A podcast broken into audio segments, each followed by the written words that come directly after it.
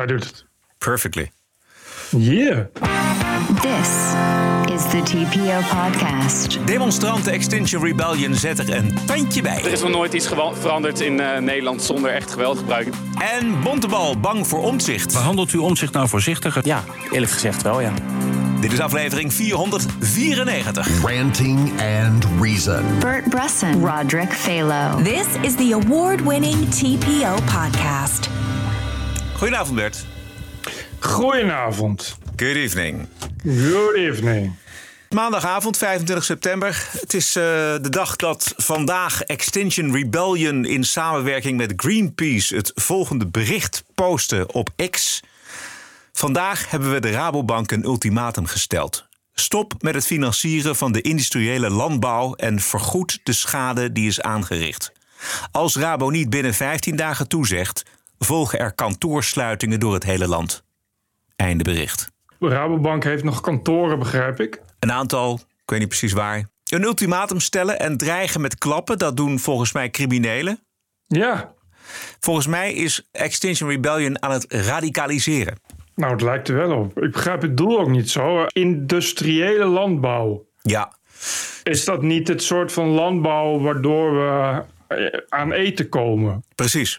Dat is eh, al vele malen bewezen dat je de wereldbevolking van een paar miljard mensen niet eh, met eh, hele simpele tuintjes kan voeden. Dus vandaar dat er grootschalig gelandbouwd wordt. En Nederland is daar een van de uitblinkers in de wereld. Blijkbaar vindt Extinction Rebellion dit ook opeens belangrijk. Ik kan me voorstellen dat er nog een aantal een andere een rijtje onderwerpen zijn waar ze zich ook druk over maken. Dus dat proberen ze op deze manier af te dwingen. Ja, ik denk niet dat het handig is om de hele tijd om meteen tot intimidatie over te gaan. Dan verlies je toch wel echt elke respect. Het doel, ja, industriële landbouw. Eventjes Bert, los van het doel. Het is toch onvoorstelbaar dat er een, zo'n organisatie dit probeert af te dwingen met dreigementen. Het is een onvoorstelbare radicalisering van deze beweging. Ja, dat is het dus ook. Ze gaan nu ook, eh, hebben ze een kort geding om ervoor te zorgen dat er geen waterkanon meer wordt ingezet. Ja. Want dat ze- vinden ze buitenproportioneel. Nou, dat moeten we dan nog zien. En het is nu geen zomer meer. Binnenkort begint de winter. Dan wil ik nog eens zien hoeveel mensen dan wel eh, de A12 gaan blokkeren. Als er wordt gedreigd met een waterkanon. Ja.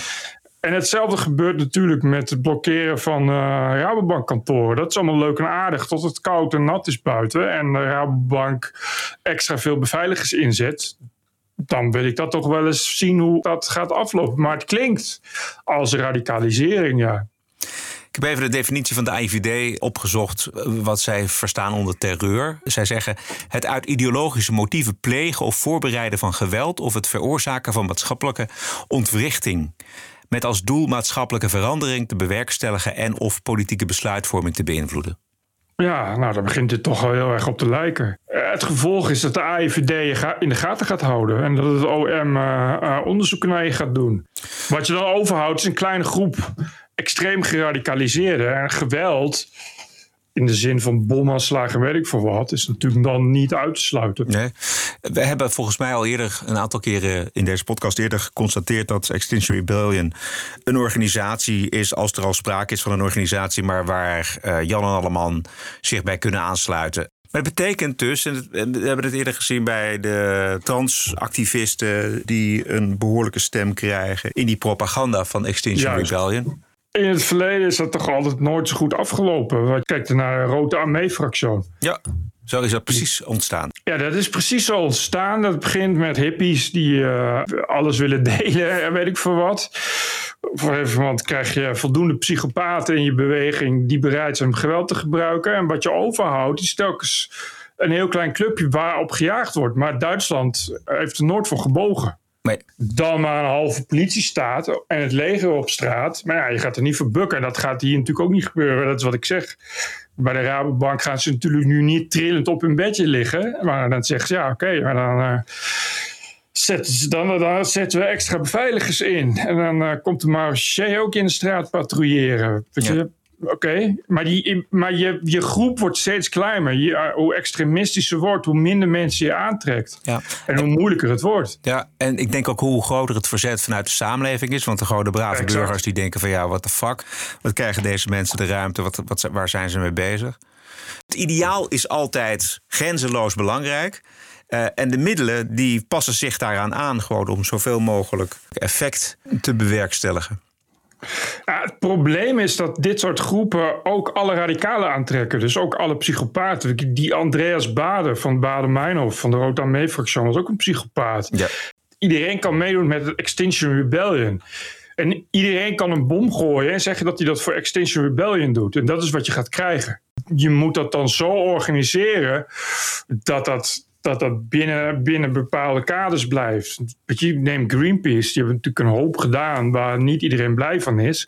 Maar tot geweld of, of echt extremistische daden is het nooit gekomen. Maar blijkbaar, want zij staan dus achter deze oproep. Blijkbaar is dat ook aan het veranderen, ik weet het niet. Maar zij scharen zich voor 100% achter deze oproep.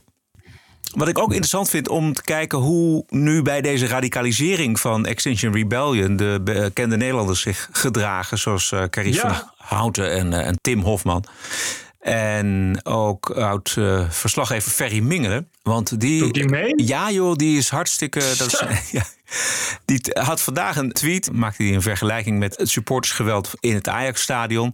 En hij schrijft: Als je dat tuig bij het Ajax-stadion ziet wat zijn die Extinction Rebellion rebellen dan rustige, beschaafde demonstranten? Ze trappen de oh, politie niet, gooien niet met stenen. Ze zitten alleen maar zingend op de weg. Totdat ze worden weggespoten en afgevoerd.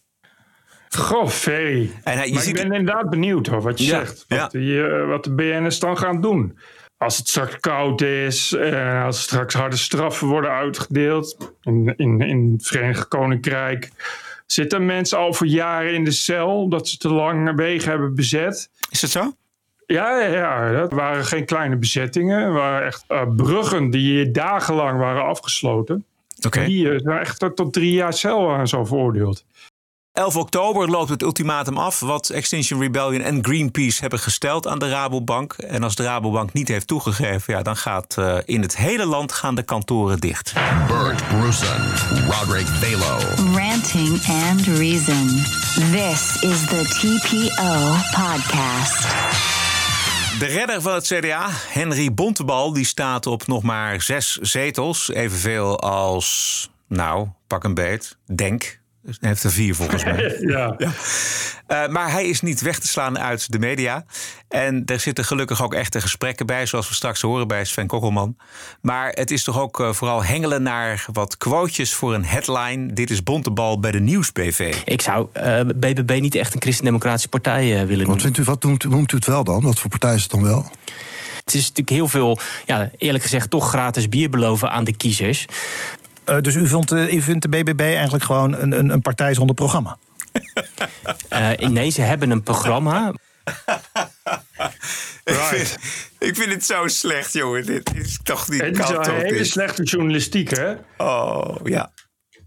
Ja. Het is, ja, ja, goed. Het is zo vervelend hengelen gewoon. Je kunt toch ook gewoon een paar kritische vragen stellen aan die Bontebal. Wat best een aardige gast is. Maar pak een beet, weet je wel. Kijk naar hoe hij dat nieuwe CDA of dat oude CDA probeert te redden. En stel daar dan vragen over. Maar ga niet steeds lopen hengelen wat hij van andere lijsttrekkers vindt. Het is obligaat en opzichtig. Maar je krijgt ook meteen het idee dat ze eigenlijk geen echte vragen stellen. Nee. Wat prima is, en nodig ze iemand dan niet uit.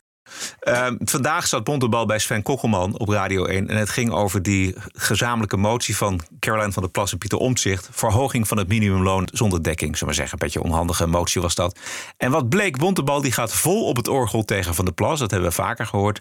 Maar Omtzigt durft hij niet aan te pakken. Luister. Ik merk wel heel snel dat op het moment dat ik uh, dezelfde vraag aan Pieter had gesteld. dan krijg, ik, krijg je heel snel kritiek van ja, je bent van het CDA en dus uh, jij mag die vraag niet stellen. En ik merk dat dat wel een, iets is wat ook steeds door mijn hoofd speelt. En ja, Caroline was de eerste indiener van de motie. En die vind, ja, daarvan vind ik ook dan dat je die ter verantwoording moet. Uh, ja. maar behandelt u om zich nou voorzichtiger? Zegt u dat in alle eerlijkheid om uh, dat u CDA bent, hij daar vandaan komt en dat het u dat dan op een hoop kritiek komt te staan? Ja, eerlijk gezegd wel, ja. Maar Caroline van der Plas komt ook bij het CDA vandaan. Zeker, maar dat is al heel wat langer geleden. En hij, eh, Pieter komt natuurlijk ook echt uit onze fractie. Uh, dus dat zit, zit denk ik echt wel net even iets, uh, iets anders. Ja, dus onder de streep, wat blijft er over? Bontebal, die gaat, het gaat hem helemaal niet om dat krakkemikkige voorstel... maar om Caroline van der Plas. En hij durft dus omzicht niet aan te pakken... omdat omzicht te dicht bij hem staat. Ja, hij is in elk geval eerlijk. Maar ik vind het wel een zwakte bot, moet ik zeggen. Of het slim is, is dan weer wat anders inderdaad. Het is een beetje raar. Ik vind het ook heel raar dat hij het zegt. Ik zou het niet zeggen. Nee, Omtzigt is de grote concurrent van het CDA. Dus hij moet juist kijken waar de zwakke punten liggen bij Omtzigt. En dan daarmee aan de slag gaan. Ik vind het, dat het ongeloofwaardig is. Als je je zo stoort aan een, voorstel van Van der Plas en een Omtzigt samen. En je spaart Omtzigt, maar je gaat vol op het orgel tegen Van der Plas. Dat vind ik niet goed. Nee. Nee, maar ja. Het is een eerlijke jongen, blijkt maar weer. Ja, dat dan weer wel. Naast de TPO-podcast op dinsdag zijn we er ook op vrijdag. Langer, uitgebreider en met leuke extra's, zoals de legendarische Woke-week. This cancel culture is gonna end, end, end. Dat is nou een goed begin van je weekend. Alle vrijdagshows erbij voor nog geen 4 euro per maand. En je ondersteunt ons. Reclamevrij en 100% onafhankelijke opheldering over het nieuws en de nieuwsmedia. Keep the show running. Word vrijdag abonnee en ga naar tpopodcast.nl. Thank you. We moeten het even over Canada hebben, Bert. Het hyperdeugen in de oorlog tussen Rusland en Oekraïne slaat een dramatisch gat in het historisch bewustzijn van het gehele Canadese parlement. Eh, president Zelensky die was op uitnodiging van de Canadese premier Trudeau in het parlement. En om de band tussen Canada en Oekraïne te benadrukken, had de voorzitter van het parlement een stokoude bejaarde Oekraïner uitgenodigd. die eh, nog had gevochten tegen de Russen in de Tweede Wereldoorlog. Nou, je kunt op je vingers natellen dat Oekraïners die in de Tweede Wereldoorlog tegen Rusland gevochten hebben, dat die aan de zijde van Nazi-Duitsland hebben gevochten. En de man die in het Canadese parlement een staande ovatie kreeg, die was ook inderdaad een veteraan van de Waffen-SS. We have here in the chamber today Ukrainian Canadians, Ukrainian Canadian world veteran from the Second World War who fought the Ukrainian independence against the Russians and continues to support the troops today, even at his age of 98. Ja. Dat is de eerste staande ovatie, maar de voorzitter is nog niet klaar, want hij heeft nog een staartje.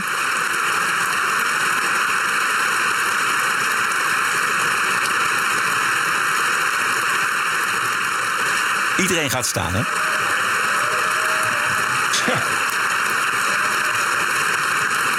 Voor iemand van de Waffen-SS. His name is Yaroslav Hunka. He's a Ukrainian hero, a Canadian hero, and we thank him for all his service. Thank you. Het gaat om de 98-jarige Jaroslav Hunka. Hij was soldaat in de 14e divisie van de Waffen-SS. Verantwoordelijk voor terreur, vernietigingskampen, martelingen en moord. En dit was dus een gigantische fout. Ja, het staat vandaag. Uh, alle kranten die schrijven erover. Het is een onvoorstelbare blunder natuurlijk. Uh, ik snap echt niet hoe je die fout kan maken. Ja, ik ook niet. Je kunt natuurlijk op je vingers natellen dat Rusland, toen de Sovjet-Unie, ja, een belangrijke, belangrijke bondgenoot van Canada, de Verenigde Staten en Engeland was. De, de Verenigde Krachten tegen de nazi's. Ik, ik wou zeggen, kijk, Canada heeft natuurlijk een andere connotatie met de Holocaust dan, dan Europa. Maar je, kan toch, je hoeft toch niet heel veel verstand van geschiedenis te hebben om te bedenken dat iemand die in de Tweede Wereldoorlog tegen de Russen heeft gevochten, aan de verkeerde kant heeft gevochten. de, de Russen waren dus niet de vijand. Je snapt dat toch? iedereen ging staan. Gewoon. Het is ongelooflijk. Niemand van die parlementsleden die, had in, die, die kwam op deze gedachten die wij nu uh, met ja, elkaar precies. verwoorden. Het komt, denk ik, voort uit een gevoel van. Rusland is fout en is altijd fout geweest. En dus kunnen we applaudisseren voor iemand die zich ook in de Tweede Wereldoorlog tegen Rusland heeft gekeerd. Ja, maar dit zijn toch, uh, ja, het zijn toch parlementariërs? Het is toch de leden van de Canadese ja. regering? Ja. Het, het, foutje kan geslopen zijn in uh, dat de voorzitter, en die heeft dat verklaard, dat hij helemaal in zijn eentje verantwoordelijk is voor de uitnodiging van deze man. Ehm, ja, hoe, die, hoe is hij dan aan hem gekomen en waarom heeft hij zelf niet nagedacht over. eh, laten we deze man eens even googlen. Maar ik denk dat het komt door, ja, verblind door Rusland fout, eh, begaat Ja. deze voorzitter deze blunder. En, en dat domme, onwetende parlementariërs eh, zich opstellen als klapvee. Ja, en die SS zelf, die denkt ook, ik hou mijn mond Ja, wel. precies. Het is toch een mooie, eh, mooie 80 jaar na dato alsnog applaus voor de nazi-danen. Krijgt hij nu een staande ovatie van pik in op je 94ste of op je 98ste, wat is het? Ja, ik vind het, het gedrag van die parlementariërs ook fascinerend. Er is natuurlijk één iemand die dan eh, opstaat om te klappen... en dan wil de rest niet achterblijven in, net zeggen. in het deugen. En dat doet mij denken aan een eh, dramatisch moment. Misschien kun je dat nog wel herinneren in de Duitse Bondsdag. Dat is de reden van de voorzitter Philip Jenneker in 1988. Nee. Die, die houdt, eh, eh, in november houdt hij een reden om de Kristalnacht te herdenken. En er is een volksvertegenwoordiger van de Groenen... die een opmerking maakt en dan wegloopt. En vervolgens zie je een kettingreactie van andere parlementariërs die ook weglopen. Waardoor de media het idee krijgen dat er iets niet goed is met die speech van die voorzitter. Er ontstaat een enorme rel rond deze Bondsdagvoorzitter. En hij is ook afgetreden. En er zijn verschillende studies gedaan naar dit moment. En er is ook een documentaire over. Waar ook het Kamerlid dat als eerste vertrok aan het woord komt. En dan legt zij uit dat het helemaal eh, geen protest was tegen de speech van deze voorzitter. Maar, maar een opmerking wilde zij maken. En dat ze toen is weggegaan en naar de wc is gelopen. Ik wou net zeggen, ze moest pissen, maar inderdaad. En iedereen dacht dat Jenninger, dus die, die parlementsvoorzitter, iets had gezegd wat niet deugde. Dus iedereen liep weg. En, dan, en mensen kijken om zich heen en denken: ja, maar ik kan ook niet blijven staan.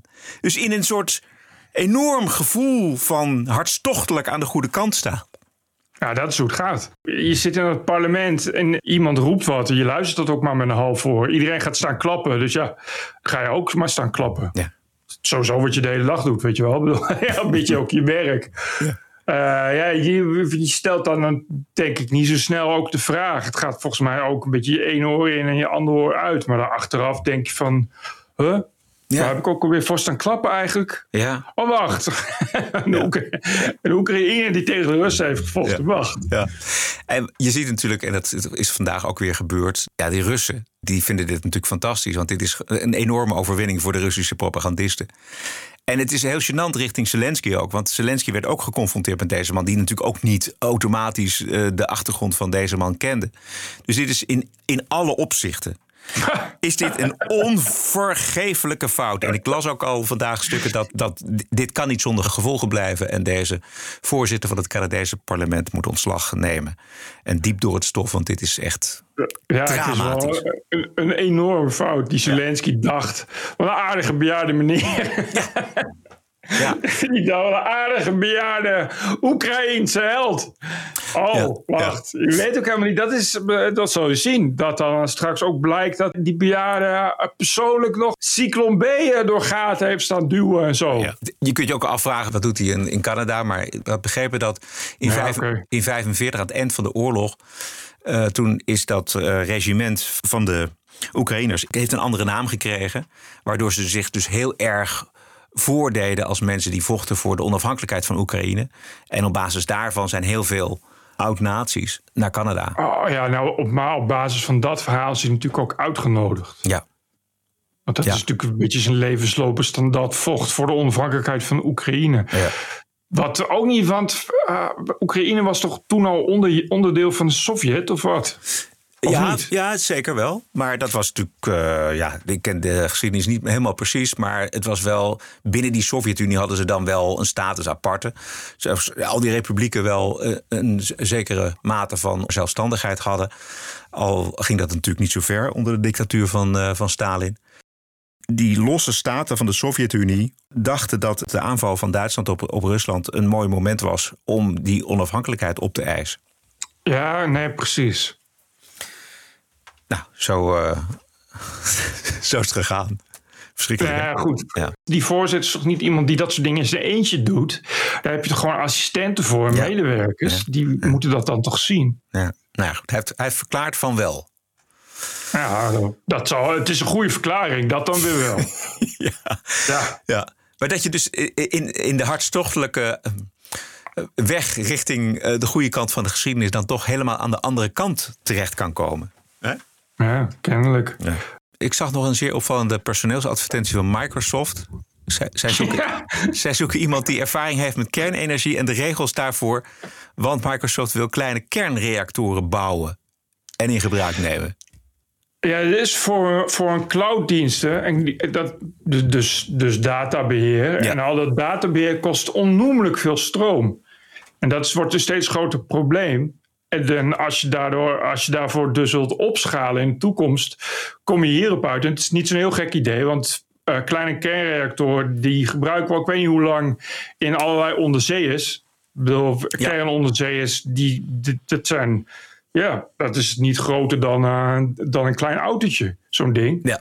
Dus waarom ook niet? Ik vond het eigenlijk wel een goed idee, maar het was wel een, wel een bizarre personeel. Het stond zo tussen neus en lippen door. Of je ook verstand hebt van een kernreactor. Ja, ja, precies. ja. Ik heb nog even opgezocht, want er is een, een afkorting voor SML of iets dergelijks. Dat blijkt echt een industrie te zijn. Als je kijkt op YouTube, dan kom je heel veel van die filmpjes tegen van een, nou ja, één of twee bedrijven die dat maken. En dat is, eh, ja, dat zou misschien wel eens eh, de toekomst kunnen zijn. Niet van die grote bakbeesten waar je dan tien jaar over doet voordat je ze hebt. Maar gewoon van meerdere van die kleinere kerncentrales. eh, waar we nog een hoop plezier van kunnen beleven, volgens mij. Ja, wel voor het databeheer. Want ja, de- als je dan ergens zo'n datacentrum gaat bouwen, dan zeggen ze ja, allemaal leuk en aardig. Maar de komende 15 jaar hebben we daar geen stroom voor. Ja. Weet je, en dat moet je dan zelf kunnen doen, en dan met oog op een groene toekomst. Ja. Als je, ik bedoel, ik weet eigenlijk niet, eh, maar je, je kan er dus een onderzee eh 30 jaar mee aansturen. Nou, dat lijkt me, lijkt me al heel wat. Dus dan kun je er ook eh, heel veel stroom voor, voor datacentra mee genereren. Precies, en het is, je hebt altijd stroom, want dat is natuurlijk het probleem met zonnepanelen en met Ja. windmolens. Eh, Dat, daar ben je eh, afhankelijk van het weer of je eh, je, je cloud kan gebruiken. Nou ja. Je vraagt je eigenlijk af waarom het nog niet veel vaker wordt gebruikt. Ja, hè? dat dacht ik me ook. Ja, dit is gewoon meerdere kleinere kerncentrales. Lijkt me prima. Lijkt me een goed idee. Goed voor het klimaat ook. Ja, dit is toch de oplossing dan? Jongens en meisjes van Extinction Rebellion. Misschien, misschien kun je ergens voor gaan demonstreren. Voor die, Dat eh, is al. eh, voor ben ik echt. Daar ben ik helemaal voor. Als ze dat nou eens doen. Als ze nou zo'n kracht. eh, een kracht, een organisatietalent. en alles bij elkaar gooien. en voor iets gaan. Dat, en dat zou echt de dingen veranderen. Als je voor kerncentrales bent. dan kun je echt iets in beweging zetten. Ik heb nog een bonusquote, Bert, zomaar gevonden. Van? TPO Podcast.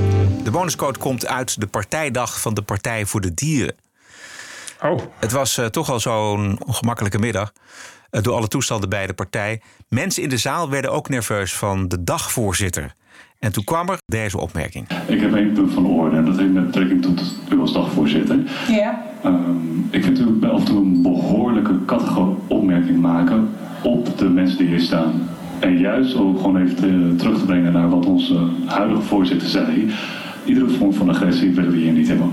En ook kattige opmerkingen, zeker voor mensen die hier voor het eerst zijn, dat wil ik niet hebben. Dat wil ik niet hebben. Ja, best dubieus dat je op een congres van de Partij voor de Dieren niet kattig mag zijn. Ik zat net te denken, maar mag je dan wel weer kattigen zeggen? Komt daar niet iemand die daar dat dan weer heel kwetsend vindt? Ja, ach, die congressen, ik geloof het wel. Precies. Hè, we moeten maar zien wat ze ervan bakken. We houden vooral de uitspraken van de dames en heren goed in de gaten. Precies, die congressen, dat is allemaal zo, zeker nu, dat is alleen nog maar campagne. Ja. Bij bij de Partij van de Dieren is dan een uitzondering, omdat er natuurlijk van alles speelt. Maar voor de rest is het natuurlijk alleen vooral heel veel campagnetaal uitspreken en laten zien hoe eensgezind je bent. Er zit weinig, weinig eh, fascinerends tussen eh, momenteel, denk ik. Ja, ben ik met je eens. Wij zijn er al bijna zeven jaar. Elke week een TPO-podcast. En sinds eh, een jaar of twee, zelfs twee keer per week. Op dinsdag hoef je niks te betalen, maar het mag wel. Doe jezelf een plezier en ons en abonneer je op de vrijdagaflevering. Op 17 oktober aanstaande namelijk presenteren wij onze 500ste aflevering. Is dat nou geen mooi moment om iets terug te doen? Ga naar tpopodcast.nl. Hartelijk dank. Ja. Stay cool. En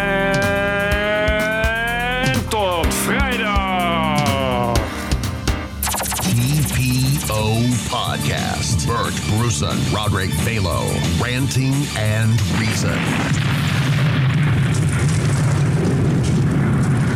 Obviously, it's extremely upsetting that this happened. Uh, the speaker, speaker has uh, acknowledged his mistake uh, and has apologized. Uh, but this is something that is deeply embarrassing to the Parliament of Canada. Podcasting is the TPO podcast in the Netherlands. Bert and Roderick. What a show. I'm telling you. Keep the show running. Go to tpo.nl slash podcast. Thank you.